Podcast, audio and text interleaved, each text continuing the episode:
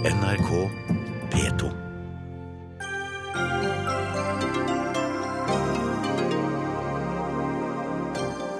Surrogati må bli straffbart. Det mener flertallet av Bioteknologirådet, som avsluttet sitt møte i ettermiddag.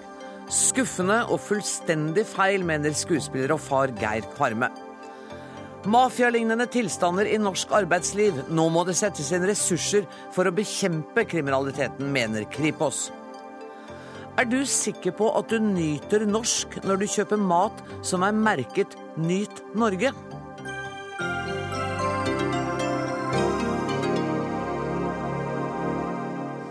Dette er Dagsnytt 18, der vi også markerer at David Letterman takker for seg etter 33 år som talkshow-vert. Det er mot slutten av sendinga.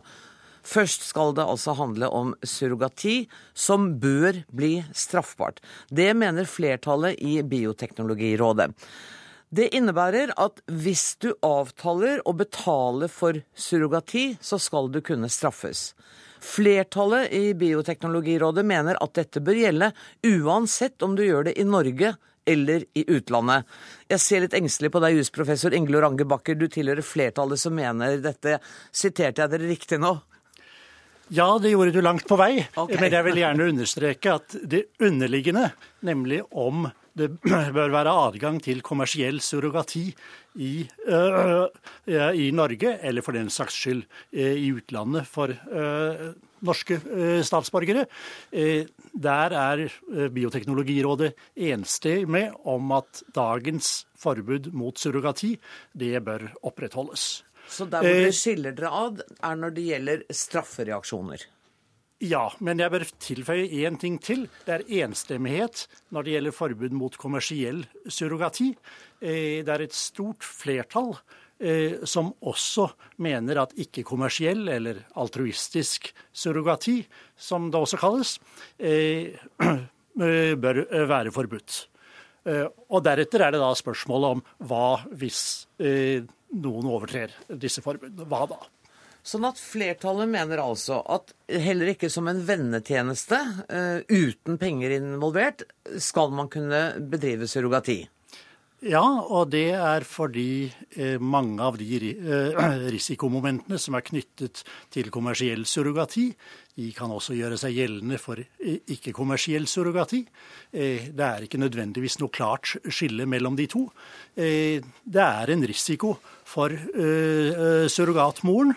Så, ikke minst ser vi det i en del utland hvor eh, surrogati i dag eh, praktiseres. Ok, Men eh, sånn at konklusjonen og konsekvensen av vedtaket, hvis det nå politisk blir besluttet å følge flertallets råd, vil være at i Norge vil det etter et gitt tidspunkt ikke bli født barn som resultat av surrogati. Det er riktig. Geir Kvarme, du er skuespiller og har vært engasjert i dette spørsmålet lenge. Du har sjøl barn født på denne måten. Hvordan reagerer du på dette vedtaket? Nei, Når det gjelder dette med altså å gjøre det straffbart, så er jeg ganske overrasket over at de har kommet fram til en sånn konklusjon. Fordi jeg syns den er veldig uklok. For det første så lurer jeg på skal, eh, hva slags strafferamme man skal ha på dette her. Eh, Man må jo ha tenkt gjennom det når man eh, ønsker å bruke straffeforfølgelse som et verktøy for å stoppe bruken av surrogati. da. Jeg tror ikke noe på det. Jeg tror bare at eh, resultatet blir at dette kommer til å bli dannelse av familier i det skjulte. Og jeg er ikke tilhenger av at familier blir til, og at barn blir til i det skjulte. Du tror at man kommer til å fortsette med surrogati, men og at man holder det hemmelig? Ja, man, altså Dette er et bidrag fra Bioteknologirådet til å gjøre det enda mer skambelagt enn det det er i dag. Fordi Er det skambelagt Ja, det er veldig mange som har fått barn med surrogati, som ikke tør å stå fram med det. Føler du deg kriminalisert av det vedtaket som Bioteknologirådet har gjort i dag? Ja, altså Vi fikk jo barn under eh, et lovverk som ble presisert under den forrige regjeringen, om at det ikke var eh, straffbart for privatpersoner å benytte seg. Så jeg føler meg ikke kriminalisert. Men det jeg tenker på, er at eh, hva er det i den prosessen jeg og min ektefelle eh, gjorde, og som resulterte i to barn, som skulle påkalle behovet for å straffeforfølge oss? Og hva er det i den prosessen og det resultatet som de to barna da er, som gjør at det ville vært bedre for disse barna å ikke bli født? Det kan ikke jeg se. Ingelor Ange Bakker, det må du svare på. Vel, for det første, eh, hvis man går inn for et forbud, så er det et poeng at det ikke blir et slag i luften. Eh, og det gjelder kanskje eh, særlig med tanke på utenlandssurrogati. Eh, et forbud vil nok være rimelig effektivt for innenlandssurrogati, fordi da vil det ikke bli noe tilbud. Da vil det ikke være noe tilbud gjennom helsevesen, gjennom medisinsk personale. Men for, for utenlandssurrogati stiller det seg annerledes. Og hvis vi først mener, eh, som, flere, eh, som eh, ikke bare flertallet, men for så vidt hele Bioteknologirådet gjør når det er tale om kommersiell surrogati. Hvis vi da først mener at det ikke er etisk akseptabelt å gjøre det å bære frem og føde et barn til en handling mot, som utføres mot betaling ja, da bør man ta noen konsekvenser av eh, det for å sikre at dette eh, blir fulgt opp. Og eh, da eh, er det nok sånn at eh, det flertallet som jeg er med i, eh, mener at her trengs det en videre utredning. Vi har gitt uttrykk for at vi mener det bør gjøres straffbart. hvilke straffesanksjoner som kan være aktuelle, det må utredes nærmere. Men dere har gjort dere noen tanker om det? Vi har desidert gjort oss noen tanker om det. Og det vil jo ramme barna. Straffer man foreldrene, så vil det ramme barna. Nei, det behøver de slett ikke gjøre. Eh, bøtestraff eh, behøver ikke ramme barna. En økonomisk eh, belastning for en familie, det vil påvirke barna? Nei da. Har man råd til å betale hundretusenvis av kroner for kommersiell surrogati, så klarer man nok den bøtestraffen, for den saks skyld. Da vil folk bare se det som en ekstra utgift i forhold til det. Det vil jo ikke være preventivt. Jeg tror nok straff har en prevensjon utover den rene bøtesanksjonen. Andre muligheter kan være betinget fengselsstraff eller samfunnsstraff, som kan brukes som en form for kriminalomsorg i frihet. Det vil ramme barna. Når du får barn, så skal du være hos barna dine. Du skal ikke få en belastning som samfunnet påfører deg, som går utover barna dine. Du skal jo være der 100% som foreldre. Eh, da må du slutte å arbeide faktisk. Samfunnsstraff er noe som kan gjøres eh, samtidig som du har kontakt med barna. Du er jo ikke eh, sammen med barna 24 timer Men i døgnet. Men hva er det ved den prosessen på eh, generell basis å få barn ved surrogati som gjør at det påkaller behovet for å straffeforfølge det? Da tar man utgangspunkt at det er noen, enten enkeltindivider, grupperinger eller samfunnet som helhet, som lider stor last. Og hva er det i disse prosessene på et generelt eh, grunnlag som påkaller behovet for å si at dette er av en så alvorlig grad at det må straffes? Vel, eh, det er flere forhold. Et av dem er en risiko for at surrogatmoren eh, blir utnyttet. Eh, Kristin Halvorsen, hjertelig velkommen. Ja, vi er langt inne i debatten. Den har det skjønner jeg. Den har jeg kan få igjen pusten. Også. Du, kan, du, skal få lov å få igjen pusten. Eh, det er jo et, uh, Geir Karme, det er jo et poeng det har, at det er en fare for at surrogatmor blir utnyttet. Ja, men da får man heller sørge for å, å bruke sin posisjon ute i verden til å dyrke frem de gode surrogatiprosessene. Det man gjør nå, det er å sette seg på sidelinjen av det forhandlingsbordet istedenfor å gå inn. Dette er jo en global utredning som nå gjennom Haag-konvensjonen foregår. Haag-konferansen utreder dette her. Norge har ikke tid til å vente på den konklusjonen engang. Dette må jo løses globalt og i et samarbeid, slik at Norge blir med og påvirker de gode prosessene hvor ikke fattige kvinner eh, utnyttes og sånn. Og her har man en premiss fra rådet, slik jeg leser det, om at det er en utnyttelse av fattige kvinner på generell basis, og at det er til ugunst for barna som blir født. Og jeg kan ikke se at det finnes empiri og dokumentasjon på at det er tilfellet rent prinsipielt. Kristin Halvorsen, du leder dette rådet, men i denne konkrete saken så tilhører du da mindretallet. Vi har vært gjennom at dere er enige om mange ting, det er enstemmighet om mange ting, men akkurat når det gjelder straffebudet, så er dere uenige. Ja, og bakgrunnen for at jeg ikke ønsker å gi noen retning i at vi ønsker at dette skal være eh, straffbart, det er at jeg syns det er vanskelig å se for meg at man kan få til en en måte å straffe den, og den typen eh, brudd på loven på, som ikke samtidig går utover barna eller sender en, et signal til de barna. Skulle Og det syns jeg er hørt Geir Kvarme si akkurat det før du kom inn. Ja, Men når det gjelder uh, surrogati som sådan, så er det jo et betydelig flertall i uh, i Bioteknologirådet klare i sine råd. Eh, Og det er flere mm, bakgrunner for det. Og, eh, og dere har sikkert vært inne på de viktige argumentene, men, men det er ett viktig argument som jeg syns også fortjener å få oppmerksomhet, og det er at det tidspunktet i livet hvor kvinner kanskje er nærmest liv og død, det er når man føder. Det gjelder i de rikeste landene i liten grad, men dog, og i fattige land i veldig stor grad. Så det er veldig, veldig mye å be om at noen bærer fram et barn på vegne av noen andre, og ikke på vegne av seg selv. Så kan man betale for det, og det er sikkert en, viktig motivasjon for de som gjør det, selv om de er surrogatmødre i et rikt land. Eller man kan gjøre det frivillig. Men i spørsmål om frivillighet i denne typen saker eh, tror jeg man alltid må sette litt spørsmålstegn ved, fordi at de som ønsker seg barn, ønsker seg det selvfølgelig veldig sterkt. Og det gjør vi alle sammen. Alle får barn av egoistiske grunner.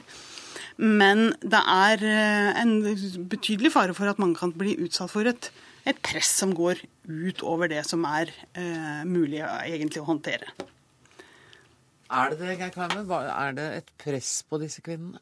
Altså, det finnes en rekke kvinner rundt om i verden som ikke blir bedt om å føde et barn fra andre, men som oppsøker disse parene og tilbyr denne eh, tjenesten som det er. Vår surrogatmor er et eh, eksempel på det. Hun ville ikke ha noe betaling for det. Hun gjorde det for at hun hadde lyst til å være en bidragsyter til at et par som i utgangspunktet ikke kunne få barn, kunne få barn. Så dette er en ikke-kommersiell surrogati? Nei, men Det vi betalte for, var det helseopplegget som hun gikk igjennom, og de forsikringene, fordi dette skjedde i USA. Men det denne uttalelsen fra Bioteknologirådet bærer preg av, det en bærer preg av at surrogati på generell basis foregår på de premissene som de fattige landene, uregulerte fattigdomsutnyttelsen, foregår i. Og det er ikke å ta en prinsipiell debatt om surrogati. Det er å bruke skrekkeksempler som vi har sett i pressen, og legge det som en premiss for å mene noe om surrogati. Er det ikke nettopp det dere gjør, Halvorsen? Jeg kjenner meg veldig dårlig igjen at vi bruker skrekkeksempler. Og det er ikke helt sikkert at hele uttalelsen. Eh, Nei, det kjenner jeg meg ikke igjen i i det hele tatt. Det, er, det, er, det som har vært spørsmålet her, det er hvor mye hva skal jeg si, Hvor stor innsats uten at den personen som yter den innsatsen, nemlig her, i disse tilfellene surrogatmødre, skal man, eh, skal man eh, kunne be om for noe som de ikke sjøl har eh, fordel av, og i forhold til den risikoen som er. For det er jo Prinsippet om kvinnens rett til egen kropp det opphører når det er snakk om surrogati. Det er et prinsipp som plutselig ikke gjelder lenger fordi det er snakk om surrogati. Fordi det, snakker, det utfordrer på en måte barns tilblivelse på en måte som noen ikke liker. Og da er det visse prinsipper som bare ryker ut. De gjelder ikke lenger. I veldig mange sammenhenger er surrogati snakk om betalt å bære fram barn på vegne av noen andre. I andre sammenhenger kan det være en frivillig innsats, men mange vil kunne oppleve en situasjon hvor de blir bedt om å være surrogatmødre for noen eh, andre, og står så nær dem at de vil komme i et utilbørlig press. Men vi har jo ikke Og samfunn er- som regulerer det. Vi har jo en fri vilje. Enkeltmennesket har jo en fri vilje til å, ta, til å stå ansvarlig for sitt eget liv. Det gjelder jo på en rekke områder. Men det er nettopp det spørsmålet om fri vilje. Hvis det er mye penger inne i bildet, så er det spørsmål om fri vilje som man kan stille spørsmålstegn ved. Hvis det er en barnløs søster som gjerne vil at søsteren skal bære fram et barn for dem, så kan man også stille eh, spørsmål om fri vilje. Så vi er inne på spørsmål i denne sammenhengen her som er, går så tett innpå Uh, hva skal man si, utfordrer den selvbestemmelsen i mange sammenhenger. sånn at det synes jeg Og si. i det landskapet så skal man straffeforfølge si. straffeforfølge folk. Og dette er av en så stor kapital at dette skal inn og uh, reguleres av straffeloven. Det syns jeg er utrolig sterkt. Det her er altså da nemnda delt. Ja, rådet. og dette kommer det til å bli lange politiske diskusjoner om. Det er kommet et råd fra flertallet i eh, Bioteknologirådet i dag. Eh, Vi kommer til å snakke om dette mange ganger. Nå må jeg si tusen takk for at dere kom. Kristin Halvorsen, Inge Lorange Bakker og Geir Farme. Dagsnytt 18 alle hverdager klokka 18. På NRK P2 og NRK2.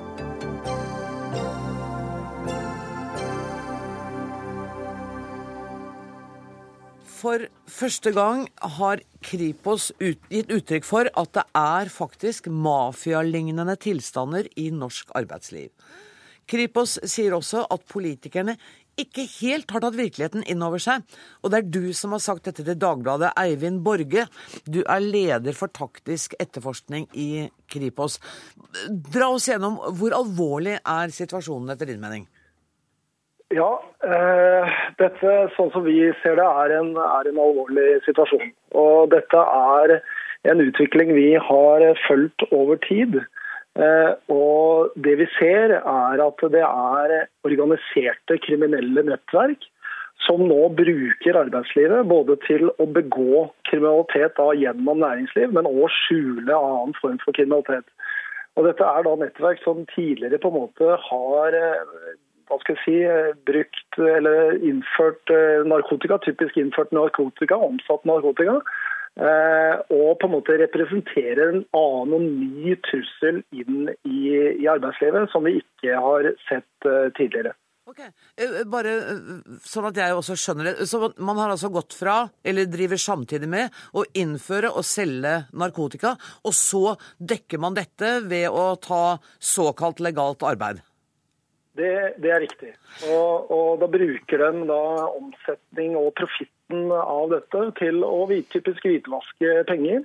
Men vi ser også selvfølgelig at de utnytter alle på en måte smutthullene, lover i regelverk, som de best kan i forhold til sin profittmotiverte kriminalitet, i næringslivet i seg selv også.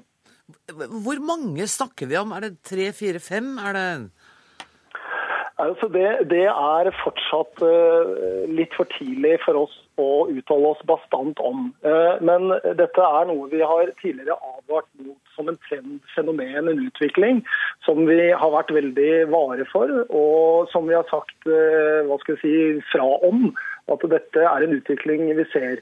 Etter hvert nå så har vi foretatt flere og flere tiltak. Dette er løfta høyt opp eh, på prioriteringer både i politiet og andre kontrolletater. Og vi på en måte har begynt å løfte på steinene. Eh, og dessverre så ser vi at under de steinene så hva skal jeg si, myldrer det av aktivitet. Og det kan tyde på at det underbygger det bildet vi på en måte har advart litt mot. Men det er fortsatt prematurt. Vi trenger fortsatt gode analyser for å se dybden i det og omfanget av det. Du sa at dere arbeider med andre etater. Er det f.eks. Arbeidstilsynet? Arbeidstilsynet er en av de vi har knytta oss opp eh, imot eh, selv. Og jeg vet òg andre politidistrikter har et nært samarbeid med, med Arbeidstilsynet. Um, du har sagt til Dagbladet at politiet trenger flere ressurser for å bekjempe disse gruppene. Samtidig har du sagt at du føler at politikerne ikke helt har tatt inn over seg den nye virkeligheten. Um, tror du at politikere som ikke tar inn over seg virkeligheten, virkelig kommer til å gi dere nye ressurser? Altså, det med ressurser, det, det, jeg har sagt i det intervjuet med Dagbladet bl.a., er at vi trenger dedikerte ressurser til å på en måte bekjempe denne form for kriminalitet. Eh, og Dette er ressurser som ikke bare må på en måte stå i dette her i enkeltstående saker, aksjoner osv., men må stå i det over år. Eh, og den, den, Det miljøene vi her snakker om, da holder det ikke lenger med kontrolltiltak og tilsyn. Eller holdningsskapende arbeid for den saks skyld. Her trenger vi helt andre virkemidler. Eh, som òg er ressurskrevende. Så har ikke jeg sagt at eh, det skal komme verken eh, her eller derfra, men jeg har påpekt at det er behov for det. Og I sånn måte så, så tror jeg òg at vi må på en måte se litt med, med nye øyne på det, også fra politisk nivå. da. Da sier jeg takk til deg, Eivind Borge. Du har sagt at du ikke vil delta i en politisk diskusjon om dette, og det forstår jeg veldig godt. Det skal de andre gjestene som jeg eh, har her. og da må jeg gå til deg, statsråd Robert Eriksson. Når du hører denne beskrivelsen, så vet jeg at dere har lagt fram 22 punkter som skal bekjempe denne kriminaliteten. Og så begynte jeg å lese de punktene, så tenkte jeg dette er sikkert fint, men hjelper det? Strategisk samarbeid mot arbeidslivskriminalitet. Videreutvikle treparts bransjesamarbeid i utsatte bransjer. Utvide regionale og lokale samarbeid mellom etater. Nasjonalt tverretatlig analyse- og etterretningssenter. Alt dette virker på meg som det kommer til å ta himla lang tid. For det første så har jeg lyst til å si det at det som Norge og som Kripos avdekker, er svært alvorlig. Eh, Og jeg syns det er kjempebra at vi får den usminka versjonen lagt på bordet. Mafialignende tilstander i norsk arbeidsliv er totalt uakseptabelt. Det er noe vi alle sammen har behov for å, å jobbe sammen om og bekjempe. Eh, Jeg har lyst til å si at det er ikke bare de tiltakene der gjennom de 22 tiltakene, men vi har også eh, lyst til å også si at vi må gjøre det vanskeligere å være kjeltring og enklere å være seriøs. Byggenæringens Landsforbund, som sitter i dag, er en veldig seriøs aktør, eh, som er med og gjør en betydningsfull jobb på, på, på sine medlemmer. Problemet er at disse mafiaene er ikke medlem noen plass. De opererer på sidelinja av alt som har med lovverk å gjøre. Den eneste måten å få tak i dem på, det er at vi gjennom de ulike etatene organiserer oss, koordinerer oss mye bedre, henter inn bedre faktagrunnlag, slår til eh, på en bredere front. Eh, Og denne regjering har starta med mer dedikerte midler, bl.a. 20 millioner mer i år, der 8,3 millioner går til eh, konkret eh, bekjempelse av arbeidslivskriminalitet. Vi styrker straffene. Når vi har tatt kjeltringen, så, så innfører vi nå eh, tre års fengsel, også for medvirkning for alvorlige brudd på, på arbeidsreglene. Ok, Ikke ta all tid, men for- La oss ta det siste der. For når dere tar kjeltringen, så har dere innført en, en strafferamme på tre år. Problemet er vel nettopp at det har vært vanskelig å finne kjeltringene. Jeg snakker med folk i dag som sier at Arbeidstilsynet står ofte maktesløse eh, fordi de har mange eh, Vi skal ikke sitte her og sverte Arbeidstilsynet, men det er for mange der som ikke har spesialkompetanse på det de skal gjøre. De har ikke de redskapene som skal til. Eh, og da tenker jeg at da hjelper det fint lite med de tre årene i fengsel. Nei, fordi at Litt av poengene som vi har fått erfaring på, som bl.a. også Kripos og politiet var med i når vi laga denne handlingsplanen, var jo nettopp det at hvis eh, Arbeidstilsynet sammen med f.eks. Nav, skatteetaten, politiet opererer sammen, har den felles verktøykassa og kan bruke alle sine verktøy og slår det sammen, så tar man flere. Ta eh, steinleggerbanden, Ja. som var i Norge for noen år tilbake. Kom tilbake i fjor vår pga. koordinerte, uanmeldte tilsyn der man opererte i lag, snudde dem etter ei uke. Eh, Lime-saken som ble opptatt, eller tatt tak i i fjor, gjennom akkurat samme metodikk, ble tatt tak i og ble avslørt. Jeg er kjempeglad for at vi nå har starta arbeidet med å løfte alle steinene for å få fram et faktagrunnlag. Og så er jeg åpen for nye og bedre tiltak fortløpende for å ta kjeltringene. Dag Terje Andersen, du sitter i sosialkomiteen for Arbeiderpartiet. Nå hørte vi Kripos si at det, det kryr under disse steinene som de snur. Eh, og samtidig så har eh, du beskyldt eh, den sittende regjeringa for sendrektighet. Skjedde vel ikke så forbaska mye da du holdt på heller? Jo, det gjorde det, faktisk. I løpet av de åra så kom det tre handlingsplaner mot sosial dumping, og de ble gjennomført. Eh, Blant annet så er det sånn at mer koordinerte og samordna tiltak nå, det er et resultat av et vedtak fra Stoltenberg-regjeringa i 2011. Eh, Det som imidlertid er tilfellet, er at eh, det er ikke bare eh, det som vi hører nå om hvitvasking og kriminalitet og narkotikahandel. Det er veldig bra at det kommer fram, men i tillegg er det òg også innslag av menneskehandel. Så det her er veldig dramatisk. Og vi har sett den utviklinga utvikle seg over år, bl.a. etter tips fra byggenæringa, særlig som kanskje var det, noen av de som merka det eh, først. Eh, og eh, vi er ikke kritiske til de forslagene som regjeringa til slutt la fram. Men det som er tilfellet, er altså at eh, her går det noen politiske skiller. Når jeg la fram handlingsplan som arbeidsminister, og andre arbeidsministre før og etter meg gjorde, gjorde det, tre i tallet, og satte inn tiltak, så var det sånn at de tiltakene i stor grad ble vedtatt mot Robert Erikssons stemmer i Stortinget. Det har altså vært sånn at det, kampen mot arbeidslivskriminalitet og sosial dumping, og i stor grad har vært en kamp mot høyresida i Norge. Derfor er jeg glad for nå at i hvert fall Robert Eriksson sier noe annet enn det han gjorde når han var i opposisjon. Men det er altså sånn at han må drives fra skanse til skanse. Og hadde det ikke vært for at LO og NHO i fjor vår slo seg sammen, og at vi laga et Dokument 8-forslag i Stortinget, ja, så er jeg redd det fremdeles ikke hadde skjedd noe. Det som nå skjer med arbeidsmiljøloven, er jo faktisk at Robert Eriksson bidrar til å gjøre det lettere å være useriøs eh, i Norge, mens vi heller vil styrke Hvordan da? Vær litt konkret på det der. ja, F.eks. når du skal ha midlertidig Og ansettelse. vi er der igjen. så- ja, ja, Nei, vet du hva, jeg trekker tilbake. Det var du, var du som Ja, spurte. ja, jeg men altså, trekker det tilbake. Jeg mente ikke det. Når, nei, når, men generelt, da.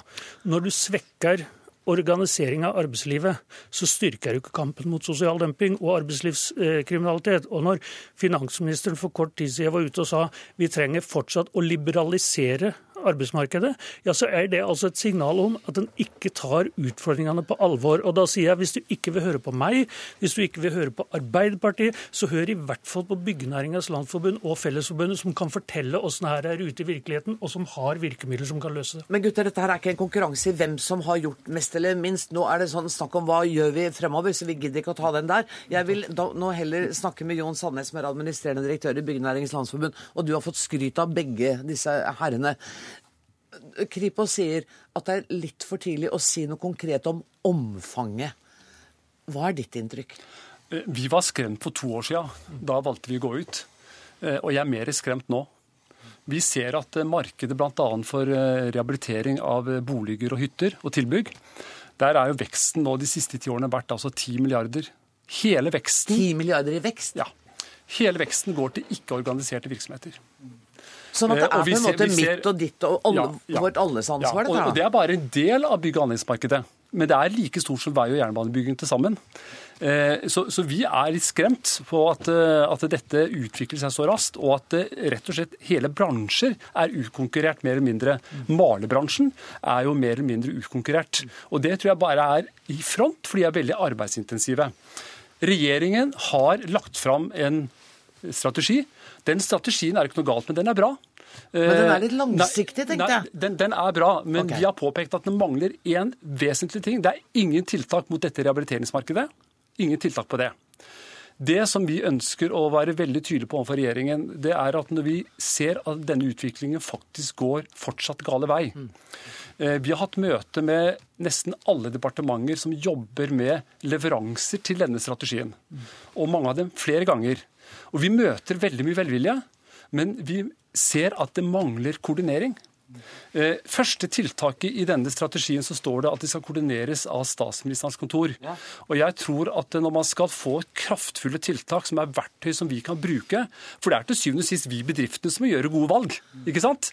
Da må vi ha en verktøykasse som er så kraftfull at den funker. Og der må det mer fart til, eh, statsråd. Eh, og Det er ikke vår... nok at den ligger til statsministerens kontor. ja, Statsministerens kontor må iallfall begynne å koordinere, for vi registrerer at her er det eh, mange som vil noe i departementene, men de etterlyser rett og slett en koordinering for å få mer hurtighet, mer raskhet, for vi trenger verktøykassen. Jeg skal Men ta et eksempel. Et eksempel. Okay. ID-kort. Ja. Vi har nå fått en høring på identitetskort som skal skifte navn til HMS-kort. Det er bra. Men det vi trenger, vi trenger å vite om dette ID-kortet er gyldig eller ikke gyldig. Vi trenger å vite både bedriftene og bestillerne. Denne personen som kommer med dette kortet, som er ansatt i det firmaet, har de betalt sine ting? Og det kan vi sjekke elektronisk i sanntid. Vi trenger rett og slett å vite om kortet er gyldig eller ikke. Sånne, sånne ting trenger vi Men du, en annen ting jeg lurer på. eh, eh, Ville dere også at det skulle være tydeligere straffereaksjoner overfor oss privatpersoner som leier inn malere? Eh, Jeg er svært opptatt av at man først og fremst nå sørger for å få noen tiltak innenfor det markedet okay. som gjør at du velger å handle hvitt. Ja. Tida løper sånn fra oss, men statsråd, du skal få lov å svare på et par av utfordringene her. For det første dette med ID-kort. Mm. Elektronisk tilknytta. Ja, Elektronisk ID-kort er noe vi, vi jobber med og ønsker oss å levere eh, raskt på. Og så har jeg lyst til å si det at jeg syns det er kjempebra at uh, man pusher oss i forhold til koordinering. Uh, jeg skal ta mitt ansvar og sørge for at vi får bedre koordinering. Jeg tror det er viktig at vi får uh, verktøykassa i bruk så raskt som overhodet mulig. Det nye som kommer her med det privatmarkedet, er noe som har gått under radaren tidligere. Jeg er villig til når som helst sette meg ned med, med, med Sandnes og, og BNL og diskutere hvordan kan vi også få til tiltak inn mot den eh, næringa, for jeg tror det er viktig. Enhver person har ansvar også for hvem, hvilke tjenester man kjøper inn, og hvem man bruker. Nå har vi organisert et møte mellom dere. Dette blir veldig bra. Dag Terje Andersen, du er, jo, e- er ikke du enig i dette? Jo, det her, er da? veldig bra hvis de snakker sammen mer enn de har gjort hittil. Vi har vært veldig nyttig i utvikling av vår politikk, av Byggenæringens Landsforbund og Fellesforbundet. For det at det er dem som er på byggeplassen til daglig, det er jo dem som ser hvor jukset er hen. ikke sant? For en kan øke straffen, men det hjelper ikke hvis en ikke tar dem som skal tas. Og så vil jeg peke på én ting til slutt. for det at I tillegg til det private markedet, eh, så er det sånn at det- det offentlige er en veldig stor kjøper i Norge. Vi kan bidra til at det offentlige i hvert fall blir mer seriøse som kjøper. Vi har foreslått f.eks. at dem som skal få anbud av det offentlige, bør ha minst 25 egenproduksjon, fordi at vi oppdager etter hvert at useriøse aktører legger inn anbud og ikke produserer sjøl. Den type ting kan vi gjøre. Hvis regjeringa vil være med på det, så ligger forslagene der. og jeg vet at Byggenæringens Fagforeningenes Landsforbunds støttere. Er det noe jeg liker, så er det når folk liksom begynner å bli enige når de går ut av studio, og det skal dere nå. Tusen takk for at uh, dere kom, Dag Terje Andersen, Robert Eriksson og Jon Sandnes.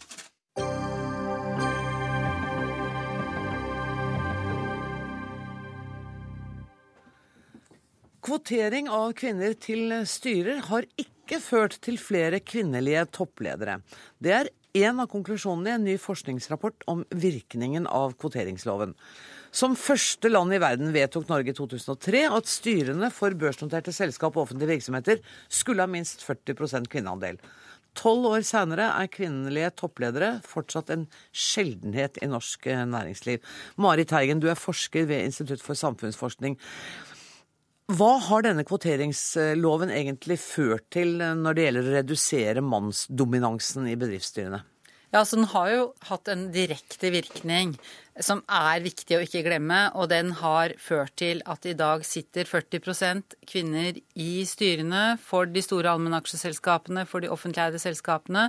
Og da debatten begynte rundt 2000-årsskiftet, eh, så var det nesten ingen kvinner i de styrene. Men er det ikke også riktig at uh, det sitter 40 det er helt riktig, men at det er mange kvinner som er gjengangere, og at enkelte av selskapene istedenfor å ta inn flere kvinner, reduserte antall styremedlemmer?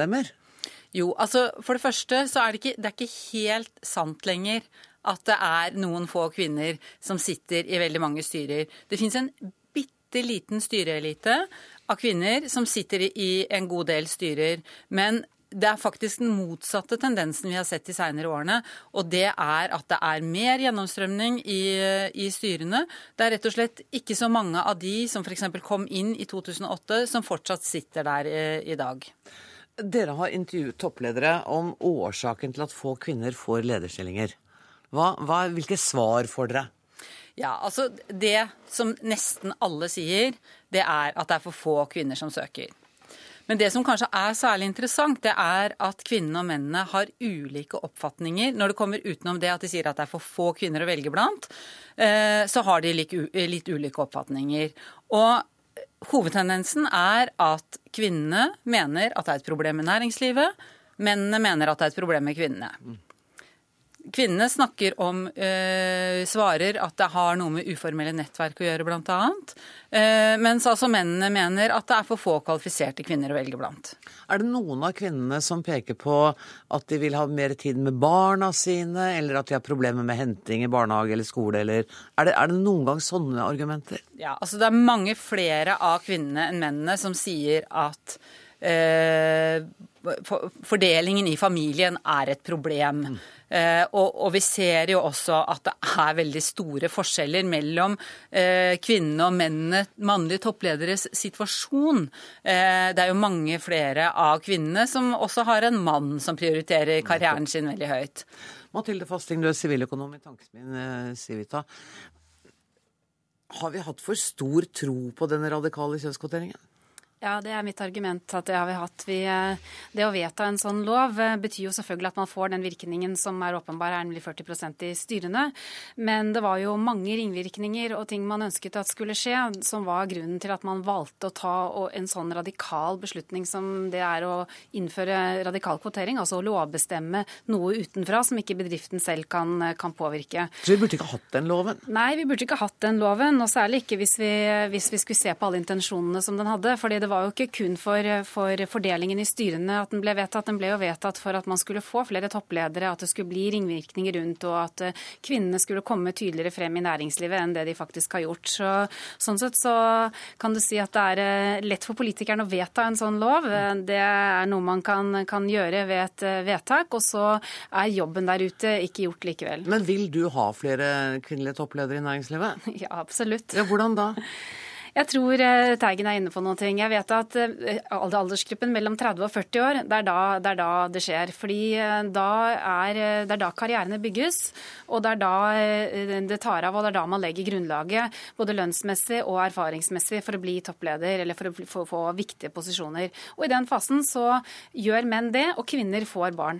Norske kvinner får barn eh, relativt sent, eh, og eh, det bidrar til at de er borte. Og hvis de ikke sørger for å ha et skikkelig mannskap hjemme som hjelper dem med disse barna, så går det toget for å bli toppledere. Så jeg tror man må se der.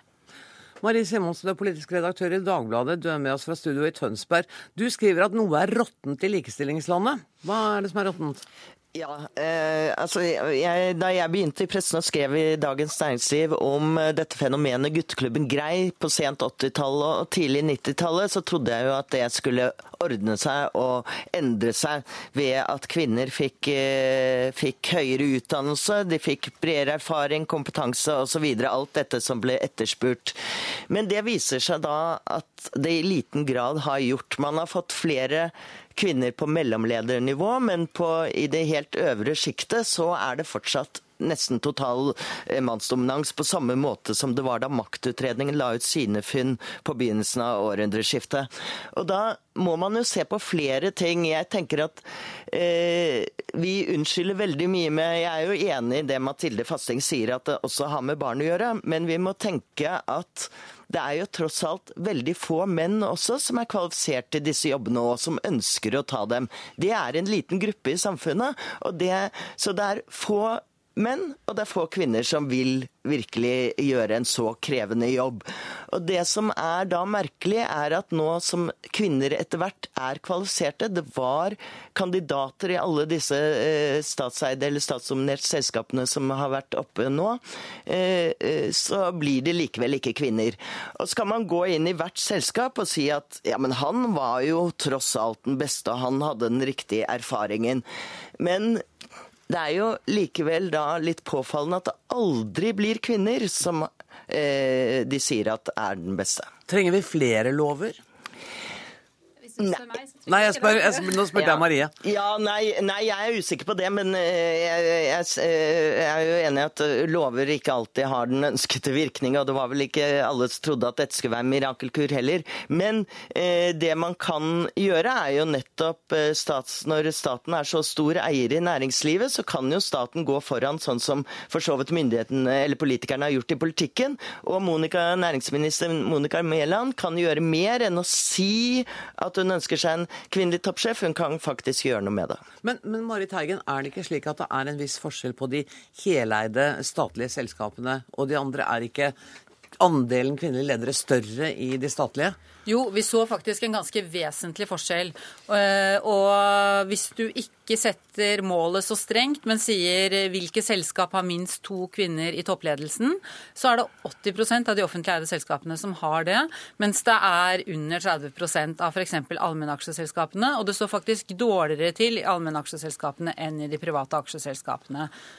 Er du enig med Fasting at vi ikke hadde trengt denne kvoteringsloven når det gjelder eh, ASA-styret? Ja, Det kommer an på hva vi er ute etter. Hvis vi er ute etter eh, flere kvinner i styrene, som jeg mener at eh, nå tross alt var hovedgrunnen til at man vedtok mm. denne loven, så trengte man loven. Fordi det var som sagt nesten ingen kvinner der. Og det er ganske stor forskjell på styrene til aksjeselskapene som ikke er omfattet av loven, og allmennaksjeselskapene som omfatter loven. Jeg hengte meg litt opp i noe av det du sa, Teigen, som et av argumentene som kvinnene bruker, om at de ikke har det samme nettverket som menn. Kan ikke det faktisk være en ganske relevant innvending? At de, ikke, at de, har ikke et lignende nettverk, og dermed er de eh, utdefinert? Ja, så Det de egentlig sier, er at det er noen uformelle nettverk mm. eh, som, som virker, eh, virker, mot dem. Og, de, og, Derfor så tenker jeg at selv om vi tror at familiesituasjon og barn og omsorg og, og de tingene er viktige, så syns jeg allikevel at det er rart at ikke næringslivet tar utfordringen og spør seg selv er det noe med kriteriene mm. her. Er det noe med hvordan vi fremmer karrierer? Ser vi kvinnene godt nok? Eh, mm. Bygger vi dem opp?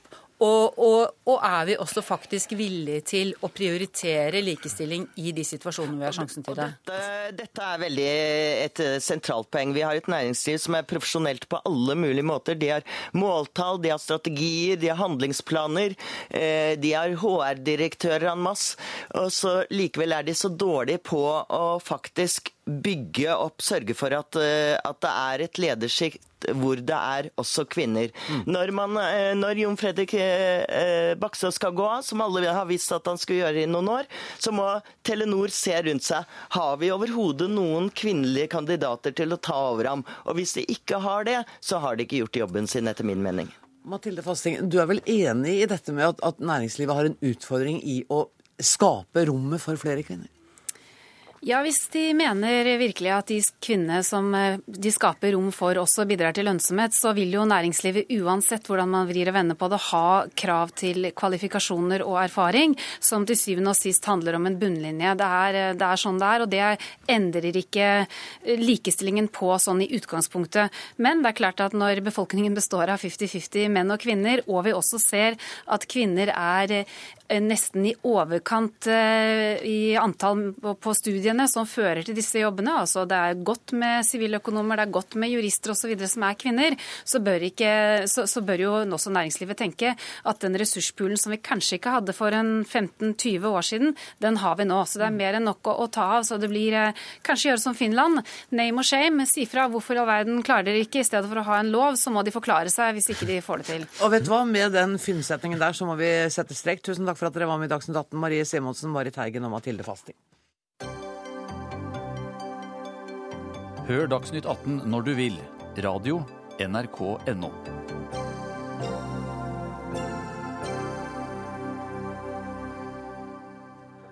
Hvis du ser nøye på melkekartongen neste gang du er i butikken, så vil du se Nyt Norge-merket, som garanterer bruk av norske råvarer. Men det Tine ikke sier noen ting om, er at melkekyrnes diett består av 43% kraftfôr tilsatt palmeolje og bare 12 representert ved beiting. Faktisk er det så mye som 120 gram importert kraftfôr bak hver liter Nyt Norge-merket melk. Og dette kaller du for hul nasjonalisme i en kronikk i Dagens Næringsliv, Jon Frededal, gründer av restaurantene Maemo og Kolonihagen. Bare utbroder for meg. Ja, altså Jeg eh, er vel så freidig å si at Nyt Norge er et av de tommeste merkevarene vi har i Norge. Eh, ikke bare er det et tom merkevare som har lite kvalitet i seg, eh, men det tegner også et ganske falskt bilde av hvordan norsk landbruk er. Sannheten om retningen på norsk landbruk går i en ganske tøff retning på industrialisering. Importert kraftfôr, soyabasert fra Brasil osv. Og det tar snarveier. altså Kvaliteten i landbruket er på vei til å forsvinne til fordel for industrialisering globaliseringen. Og Det syns jeg er synd når du da ser disse flotte bildene og flotte annonsene som sier 'Nyt Norge', og da kan du være trygg på at dette her er flott. Så du er egentlig en sentimental tilhenger av småbruket, dårlig økonomi og dyre varer? Jeg er i hvert fall eh, veldig sentimentalt glad i norsk landbruk. Og da, når jeg sier landbruk, så mener jeg landbruket tar landet i bruk. At det produseres ordentlig, etisk og bærekraftig. Eh, det trenger nødvendigvis ikke bare være de aller aller minste småskalaprodusentene, men retningen mener jeg er feil i Norge. Altså, du, eh, Forslagene fra sittende regjering er at man skal doble antall tillatte kyllinger i, i, i konsesjon osv. Jeg mener vi er inne på et veldig veldig feil spor. Og hvis maten vi produserer skal være basert på, på, på soya fra, fra Brasil, ja da mener jeg at er, vi er veldig feil ute å kjøre. Eh, Nina Sundquist, du er administrerende direktør i Nyt Norge. Får du litt vond smak i munnen når du får disse tallene om hvor lite sunt og hvor lite norsk det er i ei liter melk? Nei, slettes ikke. Eh, men jeg syns det er fint at diskusjonen kommer. Eller den har jo for så vidt vært der underliggende, men det syns jeg er veldig bra. Men jeg mener jo at Nyt Norge den har innhold i melkebøtter og spann. For når eh, Matmerk, som er en uavhengig stiftelse, setter Nyt Norge-garantien på matvarene våre, så kan du være sikker på at eh, dette dyret det er påtenkt, født, oppvokst og slaktet i Norge kommer fra en bonde som har godkjente leveranser og er kontrollert, og at maten da er både foredlet, pakket og distribuert i Norge. Men består av 120 gram importert kraftfôr per liter melk. Jeg skal ikke gå for detaljene, fordi hva Tine har der, skal, detaljene skal jeg ikke snakke om. Men i det store og hele så er altså norsk mat den har noen særegne kvaliteter som, som, virkelig forbrukeren etterspør. Og de vil gjerne vite hvor maten kommer fra, og de vil også vite eh, hva den består av. Og i Nyt Norge-garantien så er det som jeg sier tre helt spesifikke krav for at vi kan kunne si at dette Nyt Norge, som er et opprinnelsesmerke, blir stemplet på maten. Ja. Hvor er opprinnelsen, da? Altså hvis, hvis, det er så stor andel som kommer fra Brasil?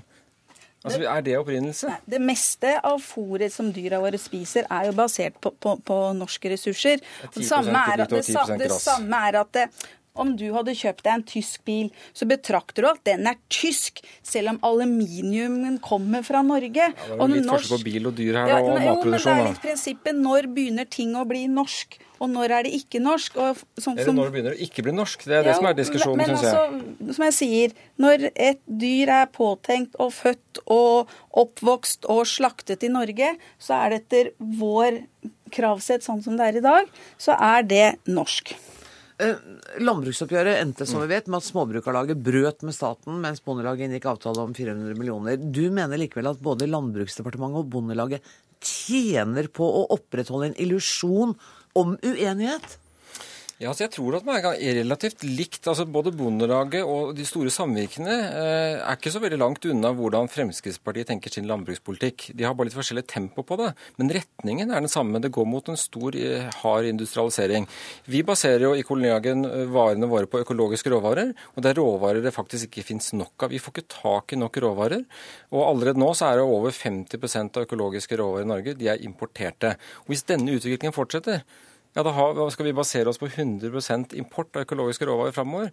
Det syns jeg er en ganske trist utvikling. Et, et produkt som vi har verdens beste forutsetning for å kunne lage her i Norge. Så noe av kritikken din går også mot uh, Lars Petter Bartnes, som er uh, leder i Bondelaget. Uh, dere er jo for denne industrialiserte landbrukstanken, dere også?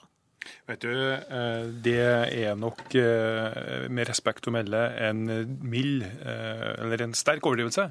Det som, det som framføres her, vi jobber for et, for et mangfold. Vi er veldig opptatt av å gi muligheter for både de små og store produsentene her til lands, og ikke minst at ressursgrunnlaget skal brukes, som ligger landet rundt. Når han da nevner samvirkene også i samme åndedrag, så er det litt viktig å å peke på at eh, Tine er en viktig aktør i, i matmarkedet. Ja, eh, Tine hjelper de lokale småskalaforedlerne å nå markedet med egen distribusjon. Eh, Og man har også leveringsplikt på melk til disse meieriene, og tar imot melk fra de produsentene som har meieri sjøl, når det er for mye. Sånn at Tine har en viktig funksjon med risikoavlastning for de eh, produsentene som produserer eh, småskala lokalt. Eh, Videre så har jeg lyst til å peke på det med kvalitet som også tas opp. Norsk matproduksjon har god kvalitet. Vi har en unik kvalitet i den forstand at maten produseres langt mot nord. Vi har mindre sykdommer både på plante- og dyrehelse. Og jeg kan også nevne vi bruker vesentlig mindre, altså vi er best i klassen når det gjelder bruk av sprøytemidler eh, i, i planteproduksjon. Eh, I hvert fall sånn, eh, Årsaken til at jeg kan si det sånn, er jo at det vi har det kalde klimaet og det bevisste forholdet i forhold til matproduksjon her til lands. Så det er bare tøv, det du sitter og sier da? Altså, eh, 95% av norske jordbær sprøytes med giftstoffer. I innholdet i hvert fall to av disse reststoffene du serverer barna dine. Det er en sperrefrist på tre dager fra de sprøytes til du kan gi dem til barna dine. Da mener jeg at det er et falskt bilde. Og Hadde forbrukeren fått den innsikten og visst hvordan norsk landbruk var eh, Ganske interessant. eh, København kommune har en målsetting om 90% økologisk i kommunal sektor. Og når jeg var og besøkte dem, så sa de en ting at dere må slutte å tro at landbruket deres er som postkortene. Og det er det noe i. Vi tegner litt for rosenrødt bilde for hvor flott det er, når sannheten er at forbrukeren nå vil ha mer ren mat, mer økologisk mat. Og det er litt interessant, da. Det er et stortingsvedtak på 15% målsetting av 15% økologisk forbruk og dyrka areal innen 2020. Og jeg hører veldig sjelden, om nesten aldri, at Bondelaget snakker noe særlig om økologisk for å få opp den produksjonen. Gjør dere ikke det, Bartas? Jo da. Uh, vi, Men er vi der? Er vi på 15 Nei og nei. Nei. Vi, vi, ligger, vi ligger et stykke bak. Ja. Uh, På viktige områder så er det markedsdekning. Melk, kjøtt og egg produseres det så mye som forbrukeren ønsker å ha. På områder som grønt uh, og frukt og bær, så er det større etterspørsel enn det vi klarer å produsere. og når vi går inn i jordbruksforhandlingene nå i år, så eh, har vi et opplegg der vi skal stimulere til økt produksjon på nettopp grønt og frukt. Ja, for det, men jeg blir litt i stuss når Jon Fredrik snakker om uh, sprøyting f.eks. av jordbær. For jordbæra er merka nytt norsk. Og så er de sprøyta for under tre døgn siden. Giftstoffene sitter igjen i jordbæra. Altså, Mattilsynet har eh, vært Hver sommer så går jo Mattilsynet på jordbærjakt og måler rester av plantevernmidler. Og i de norske jordbærene så er det altså ikke funn som tilsier at det går over den tillatte grenseverdien. Nei, men det er der. Men det er der, ja. Ja. Eh, Men, men du må jo da sammenligne. Nå spiser vi jo jordbær hele året rundt. Mm. Og det er jo importjordbær. Og eh, spørsmålet er jo hvor mye Hvis man hadde kontrollert de på tilsvarende måte Jeg tror ikke de heller er over grenseverdiene, men jeg tror du vil finne mer enn de norske. Eh, eh, Jon Fredrik, kan ikke jeg bare spørre deg. Hvis Mm. du så for deg, eller fikk en drøm, du kunne bestemme hvordan landbruket i Norge skulle være, hvordan hadde det sett ut? Jeg hadde jo, skulle gjerne sett at vi eh, gikk bort fra fokus på å produsere eh, billigst mulig mat, til å, å fokusere på kvalitet. Legge inn etikk og moral inn i produksjonen, og produsere bedre råvarer. Og da gjerne, og aller helst, med norske råvarer, eh, og rene råvarer, og ikke lure forbrukeren til å tro at de spiser eh, ren mat. Men du har fått med deg at eh, nordmenn flest syns at pris er avgjørende? Ja, dessverre så har jeg fått med meg Jeg må, jeg må sette strek. Kjære venner. Vi har et par gjester til som skal inn i studio før klokka er sju. Tusen takk for at dere kom, fru Jon Frode Engdahl, Nina Sundquist og Lars Petter Bartnes.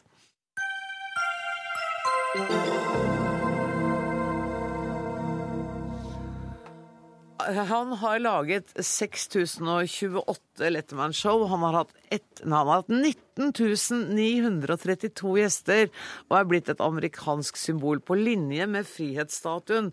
Det er det du som har sagt, Anders Giæver, og du snakket selvfølgelig om David Letterman, som i natt altså takker for seg etter 33 år. Er det litt følelsesladd for deg, dette her? Eh, Ja, litt. Fordi han har på en måte eh, altså Når jeg sa at han er like stort symbol på New York som frihetsstatuen, så er det de siste 30 årene. Og det er i den perioden hvor jeg har eh, hatt et forhold til New York eh, og reist dit. Og han var liksom det nye hotte da jeg kom dit første gang sånn på, begynnelsen av, nei, på midten av 80-tallet. Og så har jeg fulgt ham da inn i alderdommen, og han har vært der hele tiden som New Yorks stemme for meg. Ja, vet du hva? Og nå, fra i kveld er det slutt. Vi skal høre hvordan det hørtes ut da han annonserte at han slutta.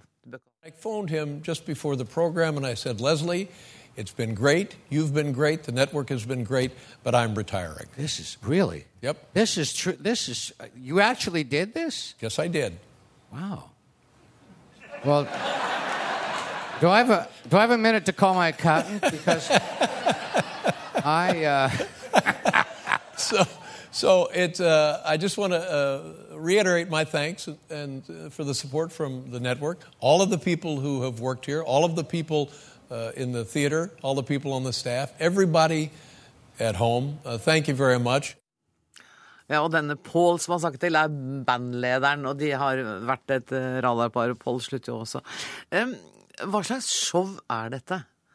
Det er jo opprinnelig et, et slags komishow. Ble starta med Jack Parr, tror jeg han het, han første som var eh, gjest der. Så, nei, som, var, som ledet det. Så var det den store Johnny Carson som ledet det i bortimot 30 år, eh, han også, og som skapte den institusjonen det var. Og han var liksom i Sinatra-generasjonen og, og, og den store entertainer-generasjonen. Eh, og så var det Letterman som egentlig skulle arve det, trodde alle. Det ble en hard arvestrid da Carson gikk av. Jay Leno stjal det, mener mange. Eh, Letterman gikk til CBS isteden, men på mange måter det, det samme showet. Em, I, av alle disse nesten 20 000 gjestene, så har det vært åtte norske, og en av dem er deg, Sondre Lerche. Ja. Til og med to ganger. To ganger. Og jeg føler meg så beæret over at du er i Dagsnytt 18-studio. at Du, jeg nesten... jeg, jeg, jeg liker talkshow. Jeg. Dette er jo talkshow, det òg. Men du, hvordan var det hos ham? Du, eh, for meg så blir det jo en unntakssituasjon for en artist som meg å være med der. Eh, så det er liksom Jeg tenker på, tilbake på den kontrasten mellom den unntakssituasjonen det er for meg, og for alle de som jobber, hele crewet, som, som har bare nok en dag på jobb, når du hører Ja. hvor mange show de har laget siden 80-tallet. Men, men uh, studioet er iskaldt. Um, det er ganske lite lydsjekk, det er lite forberedelse, og uh, nervene er jo litt ekstra i spenn, men, men eh, jeg husker begge, begge gangene spilt, vi spilte bra.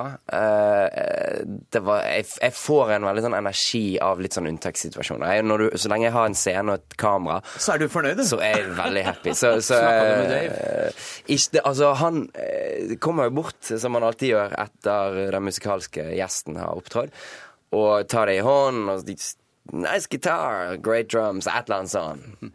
Og så eh, er nok det det. Altså, Det gikk ikke ut og tok en øl etterpå? Nei, han, han eh, er nok ikke der mer enn han må. Jeg tror han bare dukker opp, blir briefet, går gjennom ting. Så er det live, og når showet er over, så tror jeg det står en limo utenfor, så, så forsvinner han Det er ut i kliss natten. likt her, Det- faktisk. Dette Ja, er ja. din hverdag. Men du, men det, jeg har jo sett uh, sånn uttalelser om at, at det er med sorg. At altså, seerne gruer seg selv om uh, det er en bra arvtaker. Ja, men ja, ikke sant? fordi han er en institusjon. Vi liker Ja. aldri at eh, noen ting forandrer seg. Når eh, de legger ned ønskedikt i NRK, så er det det vi kaller eh, lytterstorm i, i VG. Uh, man, man liker jo ikke forandring, og, og, og dette er en stor forandring. Men samtidig så må jeg nok si at eh, Gullalderen til Letterman ligger noen, eh, noen år tilbake i tid. Uh, og det Og var, Philip Colbert kommer til å bli bra. Kolberg kommer til å bli strålende. Eh, han nådde på mange måter sitt høydepunkt uh, etter 11.9. Han var vel på 13.9. eller noe sånt. gikk Letterman på som første underholderen på, på TV-en i 2001. Og sto gråtkvalt og fortalte vitser og gjennomførte et show. og dro på en måte liksom USA og New York i gang igjen. Da fikk han en litt mer sånn statsmannsaktig eh, rolle. Eh, og det fortjente han selvfølgelig også, men samtidig så tok det nok litt av, av eh, de skarpe kantene hans ble litt filta etter det. Men du, eh, hva er det som gjør at man blir et sånt ikon? For er han så himla mye bedre enn alle de andre, da? Jeg spørre Sondre som er litt yngre Ja. enn meg, fordi for meg var han jo ung og Altså, hipp en gang i tida. Men det, Ja, jeg ble først fascinert av han når jeg var på min første USA-turné. Og etter hver gig, eh, når jeg gikk på hotellet for å legge meg, så så jeg på Letterman til jeg sovnet. Og jeg syns han var en, en magnetisk eh, performer, så det inspirerte meg veldig med hensyn til hvordan han snakket til publikum. Den der løsslupne måten han både gjør seg selv som punchline for de fleste vitsene, Samtidig som han har liksom full autoritet eh, og på en måte eh, virkelig dirigerer kvelden og publikum eh, slik han vil ha det. det. Det inspirerte meg til å på en måte jeg vet ikke, Det var et eller annet der jeg fant som jeg, jeg tok ut på scenen sjøl, når jeg plutselig kunne snakke engelsk til publikum og, og være litt mer entertainer. da.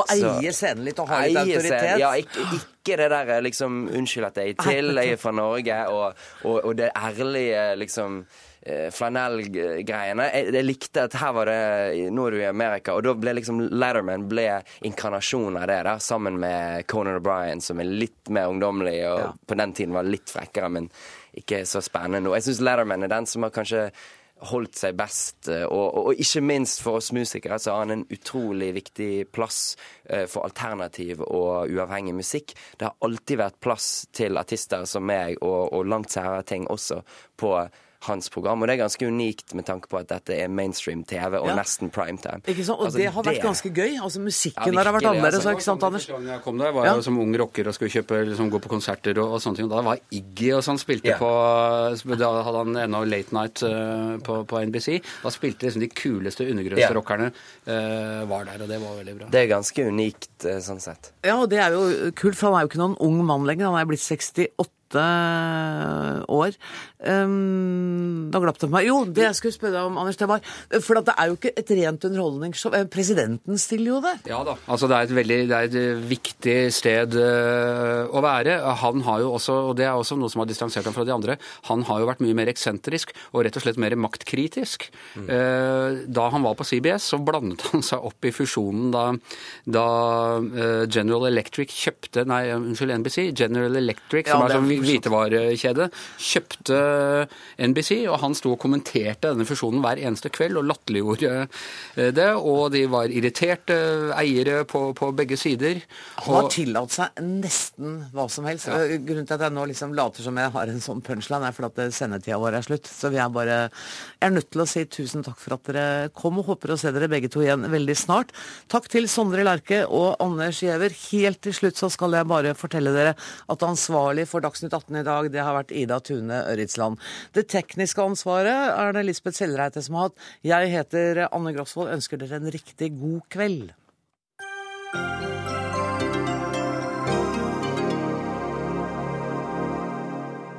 Hør flere podkaster på nrk.no podkast.